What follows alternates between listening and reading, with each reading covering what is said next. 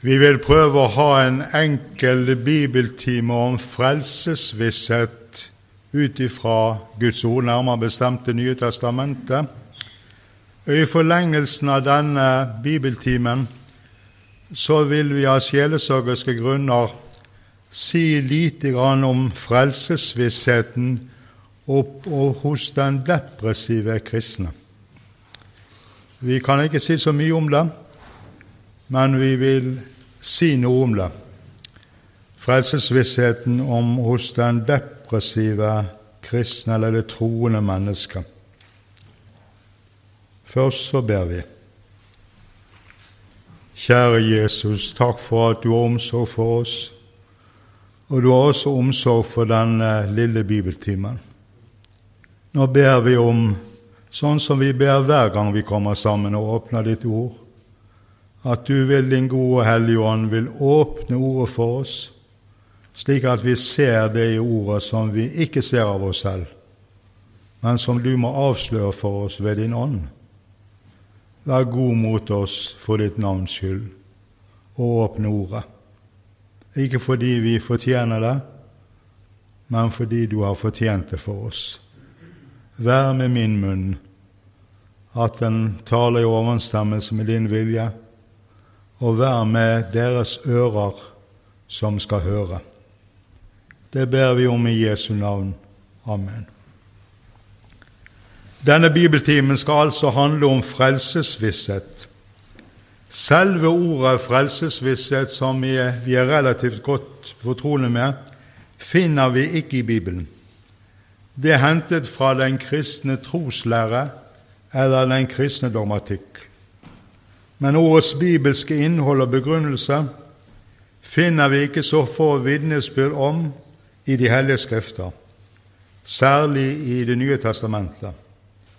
Vi kunne hente fram flere av disse vitnesbyrd fra Bibelen, men for oversikkerhetens skyld skal vi begrense oss til ett særlig sentralt av dem, fra 1. Johannes brev, kapittel 5, vers 13.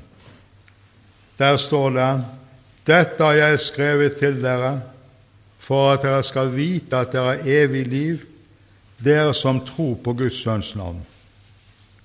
Dette apostelordet fra 1. Johannes brev i Det nye testamentet, som vi nå nettopp har lest og hørt, handler nettopp om det som vi i den kristne tro eller i troslæren kaller frelsesvisshet, og som er en meget vesentlig del av evangeliet om Jesus for syndere. Jeg har lyst til å understreke det. Frelsesvissheten ifølge Det nye testamentet er en overmåte viktig og vesentlig del av evangeliet, og det dreier seg om evangeliet for syndere. Det er helt klart ut ifra Bibelen, og det vises ikke minst fra 1. Johannes brev, at Gud vil at hans troende barn allerede i den nåværende verden skal jeg i troens fulle visshet om at jeg har evig liv.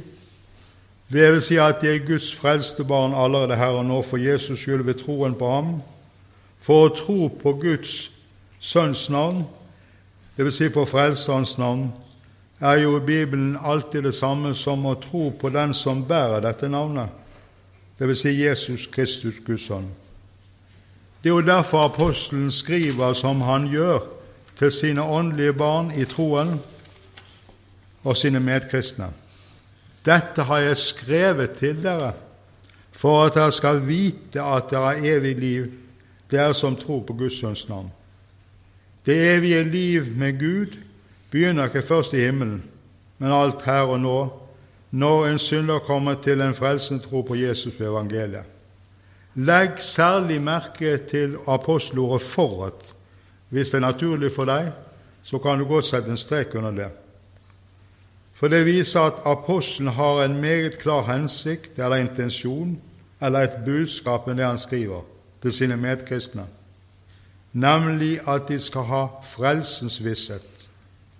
Bedre enn de fleste andre så vet han hvor mye det betyr for en kristens liv og vandring i denne verden å ha denne vissheten, gjerne i rikelig mål. Apostelen skriver også disse ordene gjennom Den hellige ånds inspirasjon, Altså er de i sannhet ikke bare menneskeord, men Guds egne inspirerte ord gjennom apostelen. For igjen til det vi allerede har nevnt, det er Gud som vil at hans troende barn skal ha denne visshet. Og legg også nøye merke til at denne frelsesvisshet er forankret i det som er skrevet i apostelordet eller i den apostoliske undervisning. Vissheten har med andre ord sin kilde og sin oppkomme i Guds ord, nærmere bestemt i evangeliet om Jesus. Frelsesvisshet i Bibels betydning av ordet er derfor noe helt annet enn å håpe på at en blir frelst en gang i fremtiden, eller et frem, fromt ønske om å bli frelst her og nå, med tilføyelse kanskje. Frelsesvisshet er troens overbevisning ved evangeliet og Den hellige ånd, om å eie alle sine synders nådige forlatelse for Gud for Jesus skyld, og dermed eie Guds velbehag over sitt liv ved, på grunn av den tilregnede rettferdighet ved troen på Jesus alene, og dermed også barnekår Gud. Jeg sier det nok en gang. Det er Guds vilje for deg som er kommet til tro på Jesus, at du skal eie denne frelsesvissheten, og at du skal eie den i rikelig mål til Den hellige ånds glede og visshet. En slik frelsesvisshet er verken uttrykk for åndelig hovmod om å være bedre enn andre, eller religiøs overspenthet hos såkalte særlig åndelige kristne, men det er en rettighet ethvert troende menneske får og eier som en ufortjent gave bare for Jesus skyld. Det er viktig at troende mennesker minner hverandre om denne evangeliske sannhet i Guds ord, som er en slik umistelig gave for enhver kristen. For også i vår tid, og ikke bare på reformasjonstiden, vil noen mennesker til og med i Kirken innvende mot denne frelsesvissheten at den må være toppen av åndelig håndmot og svermeri, at noen mennesker, færre eller få, og som kaller seg kristne, våger i fullt alvor i dette liv å bekjenne at de er frelst til Guds barn, og at alle deres synder er tatt vekk. Nei, når denne frelsesvissen fødes eller plantes inn i en synders hjerte ved Den hellige ånd, ved troen på evangeliet, så er det langt fra uttrykk for hovmod eller svammeri, men akkurat det motsatte. Det er uttrykk for hjertets sanne tillit til Jesus, til Han som er synders frelser og venn, og hjertets takk og tilbedelse alene til Jesus fordi en troende vet det er bare én grunn til at jeg har denne frelsesvisshet, at den er født i mitt hjerte, at jeg får glede meg over og fryde meg over den, og den grunn er et navn Jesus og bare Jesus. Salmedikterne i salmeboken synger med vidunderlig klare og konsise ord om denne frelsesvisshet slik. Vår tro er den forvissning på at vi Guds nåde haver som ingen av seg selv kan få, men er en åndens gave. Den faste grunn i hjertet lagt ved ordet om den nådepakt som er i Kristus stiftet. En slik frelsesvisshet som vi har nevnt, har avgjørende, stor avgjørende betydning for en kristens liv i denne verden, nærmere bestemt for en kristens helliggjørelse dvs. Si for veksten og frukten av den nye troens liv i evangeliet. Det er ikke for ingenting at forkynnelsen av evangeliet og de nytestamentlige formaningene henger nøye sammen i den apostolske forkynnelse i Det nye testamentet. Selv om det må skilles nøye mellom disse to størrelser, så hører de sammen. Forkynnelsen av evangeliet mottatt i tro gir, som allerede nevnt, frelsesvisshet. Men denne frelsesvissheten er en kraft ovenfra til å leve det nye livet i helliggjørelse etter Guds vilje. Vi har et godt bibelvers fra profeten Nehemjas bok, kapittel 8 i Det gamle testamentet, som illustrerer dette for oss. Profeten skriver ved Den hellige ånd til Guds folk:" Sørg ikke, for gleden i Herren er deres styrke i gleden over syndernes forlatelse og barnekors Gud, ufortjent, for Kristus skyld ved troen, er det en veldig åndelig styrke til helliggjørelse. Men nå må vi føye noe til i denne sammenheng som er svært viktig av sjelesorgiske grunner. Like så sikkert og visst det er ifølge Guds ord at Gud, som allerede nevnt, vil at hans troende barn skal få ei frelsesvisshet i fullt mål og glede og fryde seg ved den. Like sikkert og visst er det at frelsesvissheten i seg selv, om den skulle være aldri så stor og varm, ikke frelser en eneste synder, det er det bare Jesus og evangeliet som han som gjør. Det betyr at det går an å være en sann kristen, som er rett omvendt til Gud ved troen på Jesus, og dermed er syndernes forlatelse, og har Den hellige ånd i hjertet, virkelig et gjenfødt menneske. Det går an å eie alt dette i sannhet uten å eie frelsesvisshet, eller i lange perioder savne den, eller oppriktig lengte etter den, slik som ikke Martin Luther gjorde som munk i klosteret i Erfurt. Dette kommer jo av, for å understreke denne sannhet så klart som mulig, at det er Jesus og hans fullbrakte frelsesgjerning som er frelsens grunn, ja, frelsen selv, og ikke frelsesvissheten. Den er en følge av denne frelse ved troen, og ikke betingelse for å ha den eller eie den. Vi må ikke gjøre det til en betingelse som i Guds ord ikke er en betingelse, men bare en følge av evangeliets sannhet forkynt i de hellige samfunn. Derfor skilte de gamle troende i vår kirke på bødehuset, de som ofte hadde stor åndelig visdom og erfaring i evangeliet, og dermed i troens liv med Gud, de skilte mellom visshetstroen og tilfluktstroen. En tidligere biskop i Bergen, Erik på en Toppeland, som var biskop på 1700-tallet, skrev faktisk en åndelig oppbyggelsesbok som han kalte Troens speil, full av sjelesorg over dette emnet, visshetstroen og tilfluktstroen. Særlig en av de fremste lederne i den pietistiske vekkelsesbevegelse i Finland på slutten av 1700-tallet og første del av 1800-tallet, Pavo Rutsulainen, fikk så stor og avgjørende hjelp av denne boken for sin egen del at han aldri nærmest slapp den av hendene, og den kom til å prege i vesentlig grad hele hans forkynnelse og hans sjelesorg og de som han var åndelig hyrde for. Disse gamle troene som vi refererer til nå, skilte altså mellom visshetstroen og tilfluktstroen. For det første fordi de fant dette skillet i Guds ord, nemlig for Herre Jesus flere ganger i evangeliet sier til sine troende venner og disipler dere lite troende. Så langt jeg kjenner til, så står det i Det greske Nytestamentet på dette punkt at det er snakk om en meget, meget liten tro. De var i sannhet lite troende, og de røpet det mer enn én en gang.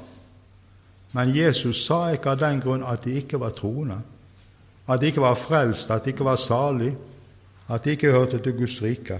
For de hang ved Jesus og påkalte hans navn. Altså var de lite troende, men de var dog troende.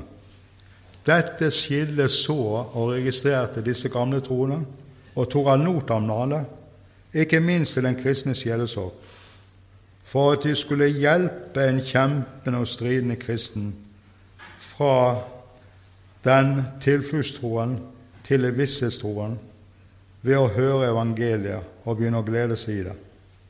De sa for det første, som en hovedsak ved troen, at visshetstroen og tilfluktstroen er den samme frelsen og saliggjørende tro, som griper Jesus i tro, og dermed alt det han er og har fullført i sin soningsdød på korset for fortapte og hjelpeløse synder. Det er ikke bare den sterke troen, den som er full av Åndens kraft og ikke tviler et øyeblikk på at den er frelst og salig.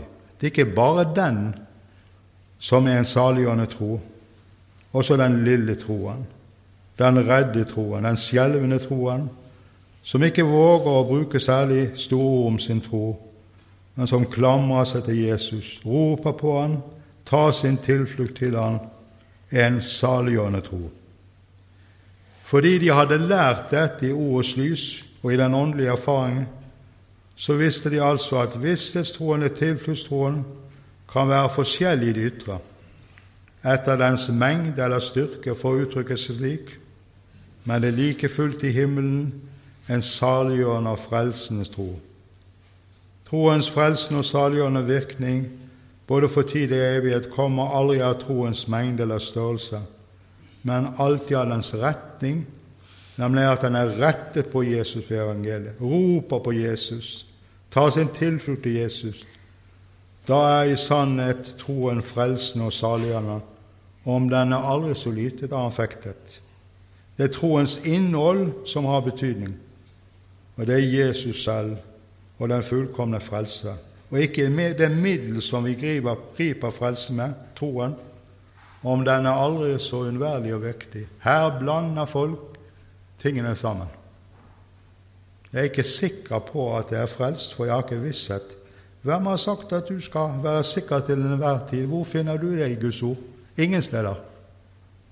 Gud vil riktignok at du skal ha det, men ikke som en betingelse, men som en følge. Vi har et godt og klargjørende eksempel fra Det nye testamentet på det vi taler om nå, dvs. Si fra en av Jesu lignelser. Den er bare en lignelse, men den er som alle våre Jesu Kristi lignelser overmåte lærerik. Den handler om fariseeren og tolleren som til samme tid gikk opp i tempelet for å be. Den første, altså fariseeren, takket Gud for alt det han var i seg selv, og alt det han hadde utført etter Guds lov som fariseer. Den andre tolleren ville ikke engang løfte øynene mot himmelen, men slo seg for sitt bryst og sa, Gud, vær meg synder nådig. Og merk deg nå nøye hva Jesus sier om disse to mennene i denne lignelsen. Denne, dvs. Si tolleren, gikk rettferdiggjort hjem til sitt hus, ikke den andre. For hver den som opphøyer seg selv, skal fornedres, men den som fornedrer seg selv, skal opphøyes.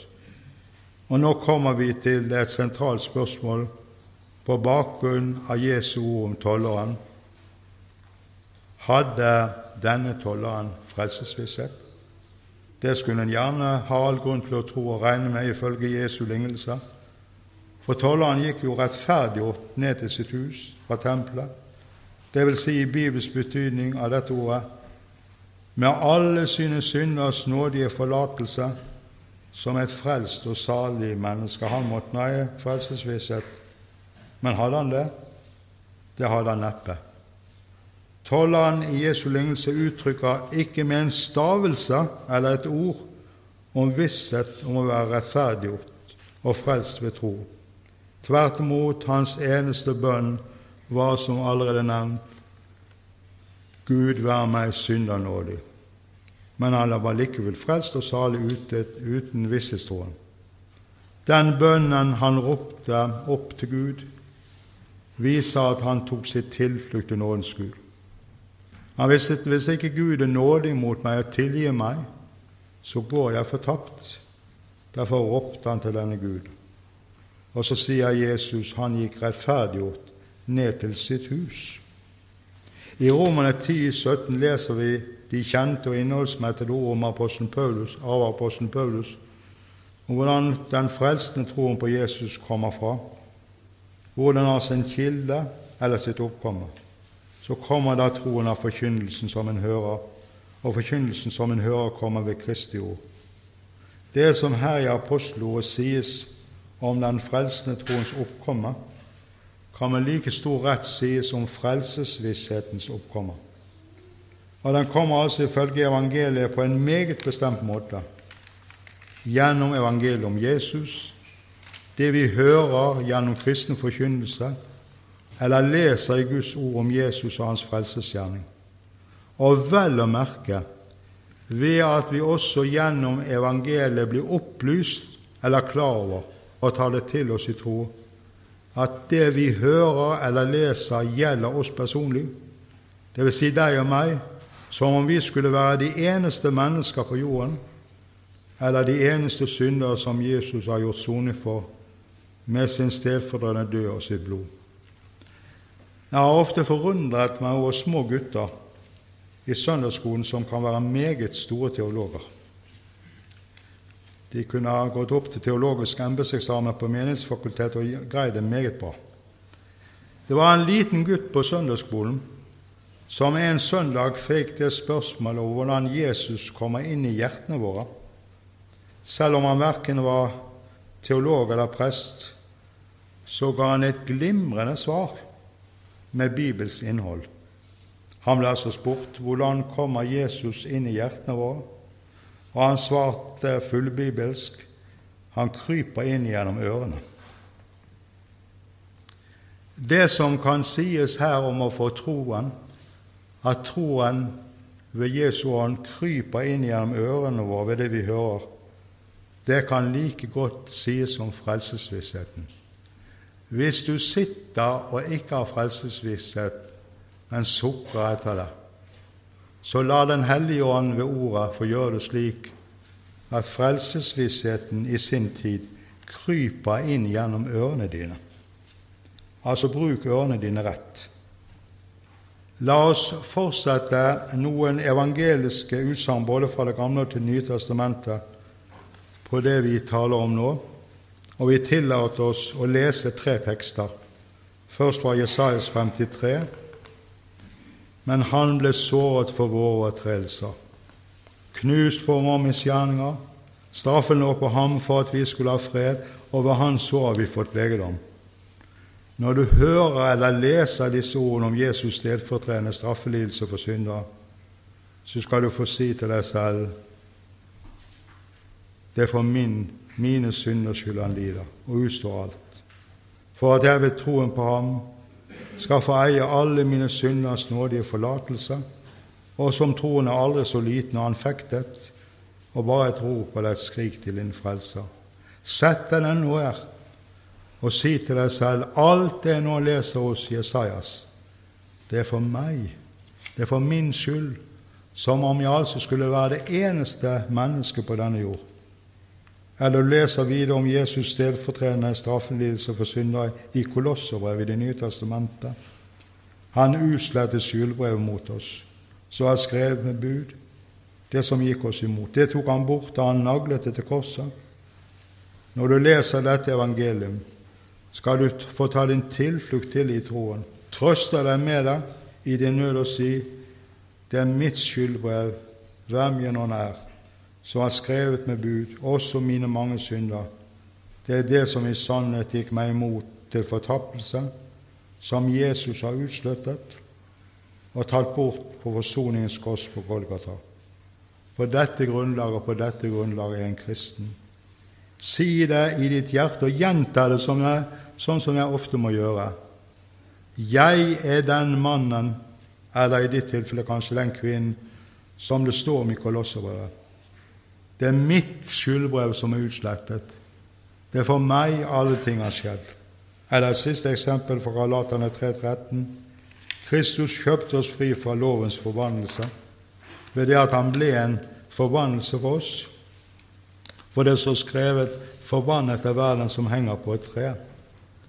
Når du hører eller leser disse ordene fra Galaterbrevet, skal du få si til deg selv 'Det er meg, ja, nettopp meg' Jesus med sin stedfordrende lidelsesdød har kjøpt fri fra lovens forbannelse, slik at ingen lov og ingen synd lenger kan skille meg fra Guds frelsende kjærlighet i Jesus Kristus, til frelse og salighet, bare jeg nå tar min tilflukt til ham.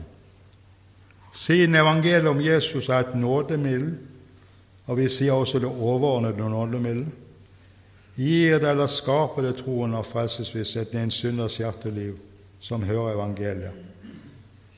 Hvis vi skal tale bibelsk rett om frelsesvissheten, må vi også i den forbindelse si noe om anfektelsen.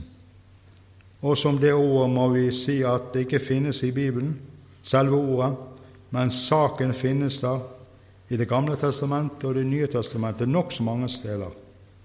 Anfektelsen betyr at det på åndelig vis fektes mot troen, av troens fiender både utenfor og innenfor mennesket, for at troen skal svekkes og likefrem død.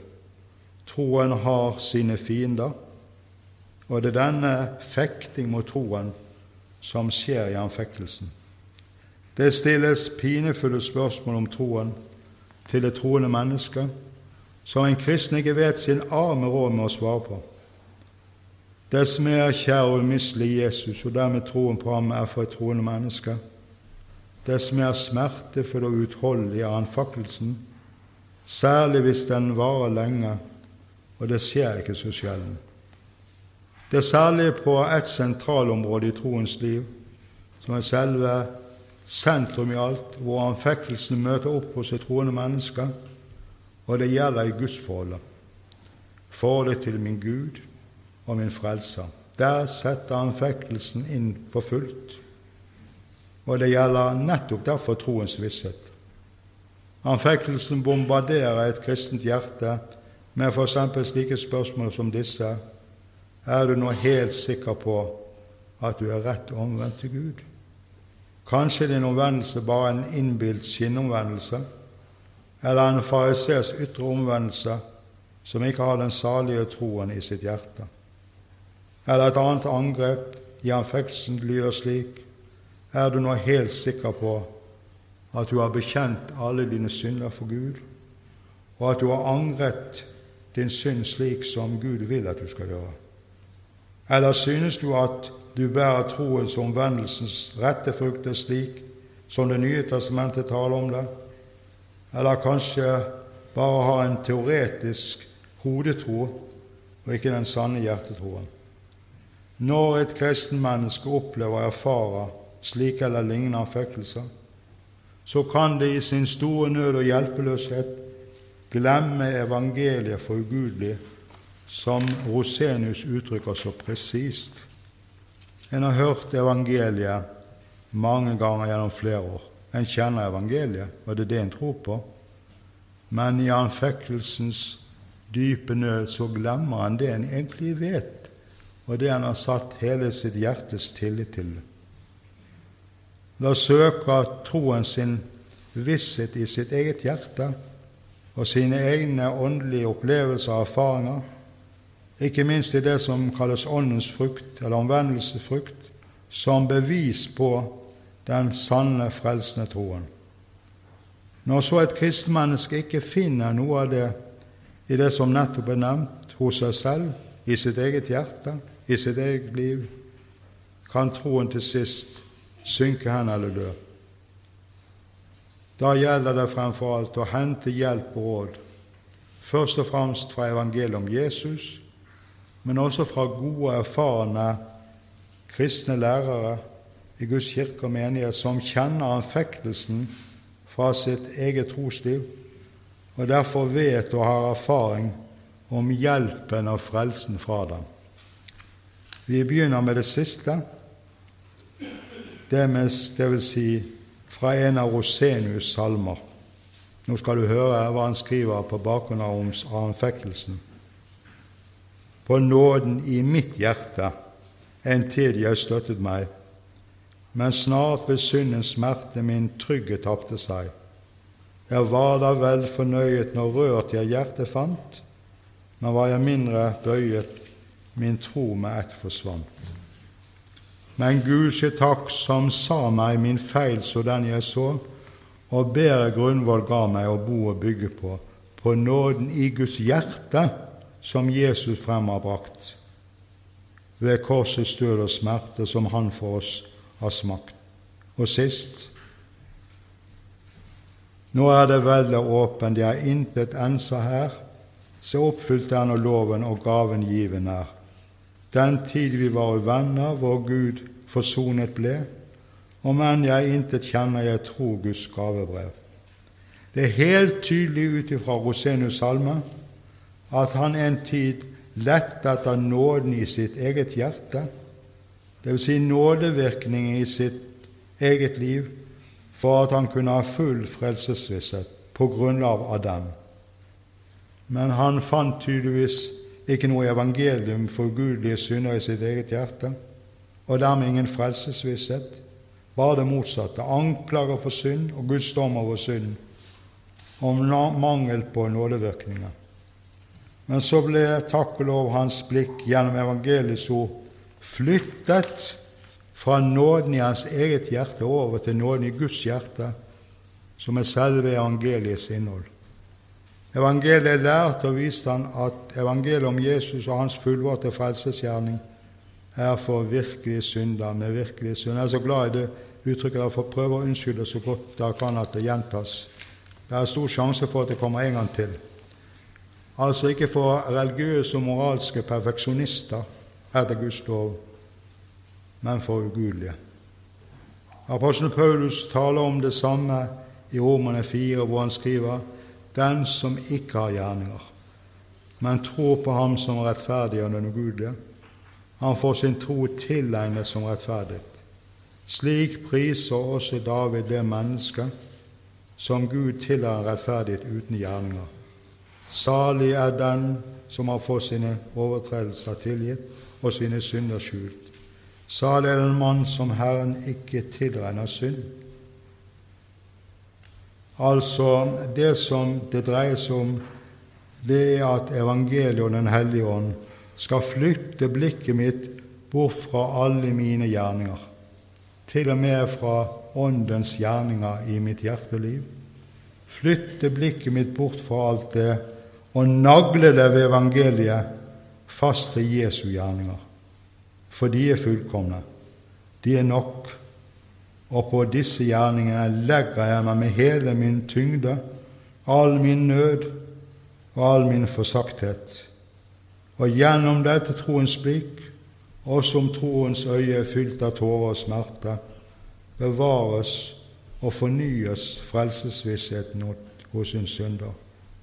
Hold blikket festet på Jesus i evangeliet. Der fornyes alt. Vi begynte denne enkle bibeltimen med et sentralt ord om frelsesvissheten. Vi vil ta ett ord med på slutten, og det finner vi fra Hebreabrevet, kapittel 11. Det er et meget sterkt ord. Noen av oss syns det er det i sterkeste laget, men siden det er Guds ord, så bøyer vi oss for det. Men tro er full visshet om det en håper, og bevisning om ting som en ikke ser. Martin Luther, vår kirkes reformator, var så glad i dette ordet. Da han eh, studerte teologi i, eh, i eh, Erfurt, kom han borti to teologer som var veldig berømt på den tiden, som het Biel og en annen. Og de lærte begge at hvis bare et menneske vil gjøre Guds vilje, så kan dere. Martin Luther tok denne teologiske veiledning, som ikke var noen veiledning, på alvor, og opplevde i sitt eget liv at han ville ikke gjøre Guds vilje. De sa jo hvis han bare ville, så kunne han det også, riktignok ved hjelp fra Gud. Men Martin Luther opplevde at dette stemte ikke. Det holdt i hvert fall ikke i hans liv. Og Det som gjorde denne nøden så stor, var at han koblet denne falske teologien sammen med forståelsen av utvelgelsenslæren i Det nye testamentet. Når han ikke kunne gjøre Guds vilje, så måtte det være et bevis på at han var utvalgt til fortapelse. Det var en så dyp nød at han holdt helt på å miste alt. Og så fikk han litt etter litt øye på evangeliet ved et nidkjært studium av Det nye testamentet, og særlig Romerbrevet og Galaterbrevet og gjennom hjelp fra sin gode sjelesorger Stopitz. Og ved evangeliet så kom frelsesvissheten. Og han hadde en veldig visshet om sin frelse og salighet. En av hans agreste motstandere, Erasmus og Rotterdam, synes Martin Luther var altfor viss. Det kunne nå nøye med litt mer beskjedenhet. Du er altfor viss, sa Erasmus til han. Men Luther hadde svaret i. Han sa at i troens saper skal man være viss. Den hellige ånd som gir oss evangeliet, er ikke noen skeptiker.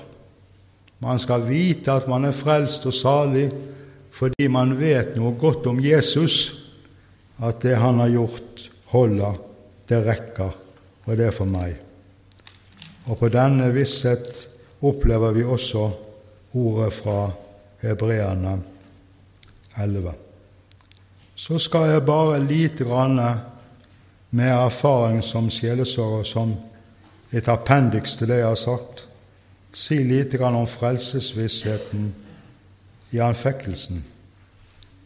Det er en erfaring som jeg tror alle predikanter og prester og andre kristne også blir fortrolig med i sjelesorg, at det er mye psykiske lidelser hos kristne mennesker. Unge kristne og eldre kristne. Og denne depresjonen, som kan være kort eller lenge, den innvirker på oss rent psykisk, og det har også konsekvenser for frelsesvissheten. I depresjonen så er alt mørkt og trist. Man ser ingen lyspunkt. Og det som har frydet en før, det makter en rent subjektivt ikke å holde fast på. Jeg vet dette om, om dette fra mitt eget liv og jeg vet det som prest fra sjelesorgens rom. Du kan komme med de beste ordene, det er nesten nytteløst. I den forbindelse har jeg noen gode råd som jeg har brukt på meg selv, og som kanskje kan være til hjelp for noen av dere nå eller senere. Del depresjonen din med en annen. Ikke isoler dem i depresjonen, for da vokser den.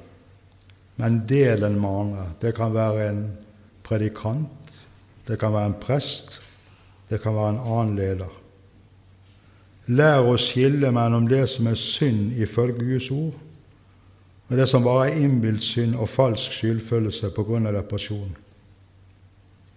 Det er noe av det karakteristiske ved dyp depresjon, at man får skyldfølelse ved innbilt synd, som ikke er noe virkelig synd. Og da trenger man både i ordets lys og ellers å ha hjelp av en medkristen mellom skillet mellom det som er sunt og sant, og det som er sykt og usant. Ved hjelp av det så kan du avvise den falske skyldfølelsen og i evangeliets lys få tilbake frelsesvissheten. Det tredje rådet lær å bruke noen enkle bibelord når du anfektes, så makter du ikke å lese to kapitler fra profeten Jesajas og tre fra apostelen Paulus. Du makter ikke sånt da. Men le, les noen enkle ord, klam deg til de enkle ordene. For eksempel dette Den som kommer til meg, vil jeg ingenlunde slutte ut. Frykt ikke, jeg er gjenløs deg, kalt deg ved navn.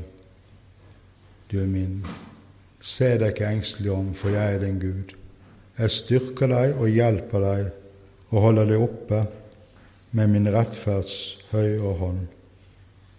Og kan du ikke be, så slå opp i sangboken fra bedehuset eller salmeboken i kirken, og så be de bønnene som du finner der. Jeg har hatt perioder da jeg ikke har maktet å be, også som prest. Og da er det én bønn jeg har bedt hver dag, om morgenen og om aftenen, og den har vært til hjelp. Jeg har i min store nød foldet hendene mine og sagt, Skriv deg Jesus på mitt hjerte, du min konge og min Gud, at deg lyst, ei heller smerte, deg formår å slette ut. Denne innskrift på meg sett, Jesus ut av Nasaret. Den korsfestede min ære og min salighet skal være. Og det har vært hele bønnen. Og det har noen ganger vært bønnen flere uker. Om morgenen, om aftenen, om ettermiddagen. Eller jeg har av og til bedt en annen bønn òg. La meg nu din forblive, trofaste Herre Gud. Jeg vil meg til deg give, la meg ditt ord bud. Du selv meg veien vise Gi meg bestandighet. Derfor vil jeg deg prise, nå og i evighet. Jeg slutter med noe som er høyst personlig. Omtrent midt i teologistudiet så mistet jeg i løpet av noen få år både min far og min mor. Jeg var enebarn, og jeg tror at jeg uten å overdrive kan si at jeg elsket mine foreldre over alt på denne jord. Så mistet de omtrent samtidig, bare med et lite intervall, det var mer enn jeg maktet, så jeg fortsatte studiet, men kom inn i dyp depresjon. Om kristendommens sannhet og min egen salighet. Men jeg tror jeg gjorde noe klokt med råd for alle. Jeg fortsatte å gå i kirken eller på bedehuset. Jeg fortsatte å høre når de troende sang, for jeg kunne ikke lenger synge. Jeg fortsatte å følge med i liturgien. Jeg fortsatte å gå til nådens spor. Enda jeg ante ikke om jeg var en kristen. Det kom ikke av at jeg levde i synd, men det kom av den dype depresjonen. Så bare var jeg sammen med de kristne og de troende og hørte ord om Jesus. Og så litt etter litt så lysnet det. Og så fikk jeg gjennom evangeliet ord oppleve at jeg kunne si sannhet jeg vet på hvem jeg tror. Jeg vet at Jesus har frelst meg. Jeg vet at jeg er en kristen for hans skyld. Jeg vet at jeg tilhører Frelseren. Jeg vet at jeg er med i Guds kirke og menighet på jord. Den kom gjennom ordets forkynnelse. Og Jeg vil gjerne si til deg på erfaringens bakgrunn, om det bare skulle være én her inne som har bruk for det, fortsatt å gå i bedehuset eller i kirken. Fortsatt å høre om Jesus. Ta gjerne frem noen enkle sanger og bruk dem som din bønn. Og hold deg fast i noen enkle bibelord, så får du vissheten tilbake i Guds time. Jeg lover deg at det skal skje, for jeg har jo opplevd det i mitt eget liv. Så henger alt sammen på Jesus og det han gjorde for oss. Kjære Herre, takk for du begynner på nytt i våre liv når alt er gått i stykker for oss og forvisser oss at ingenting er gått i stykker for deg. Du har fullført alt for oss. Du har omsorg for vår sjel, at vi skal få eie visshet og barnekår. Hold fast på oss, Jesus, og la oss nå målet. Jeg ber særlig for dine kjempende barn, at du må komme dem til hjelp og holde dem fast i evangeliet. Det ber vi om i Jesu navn. Amen.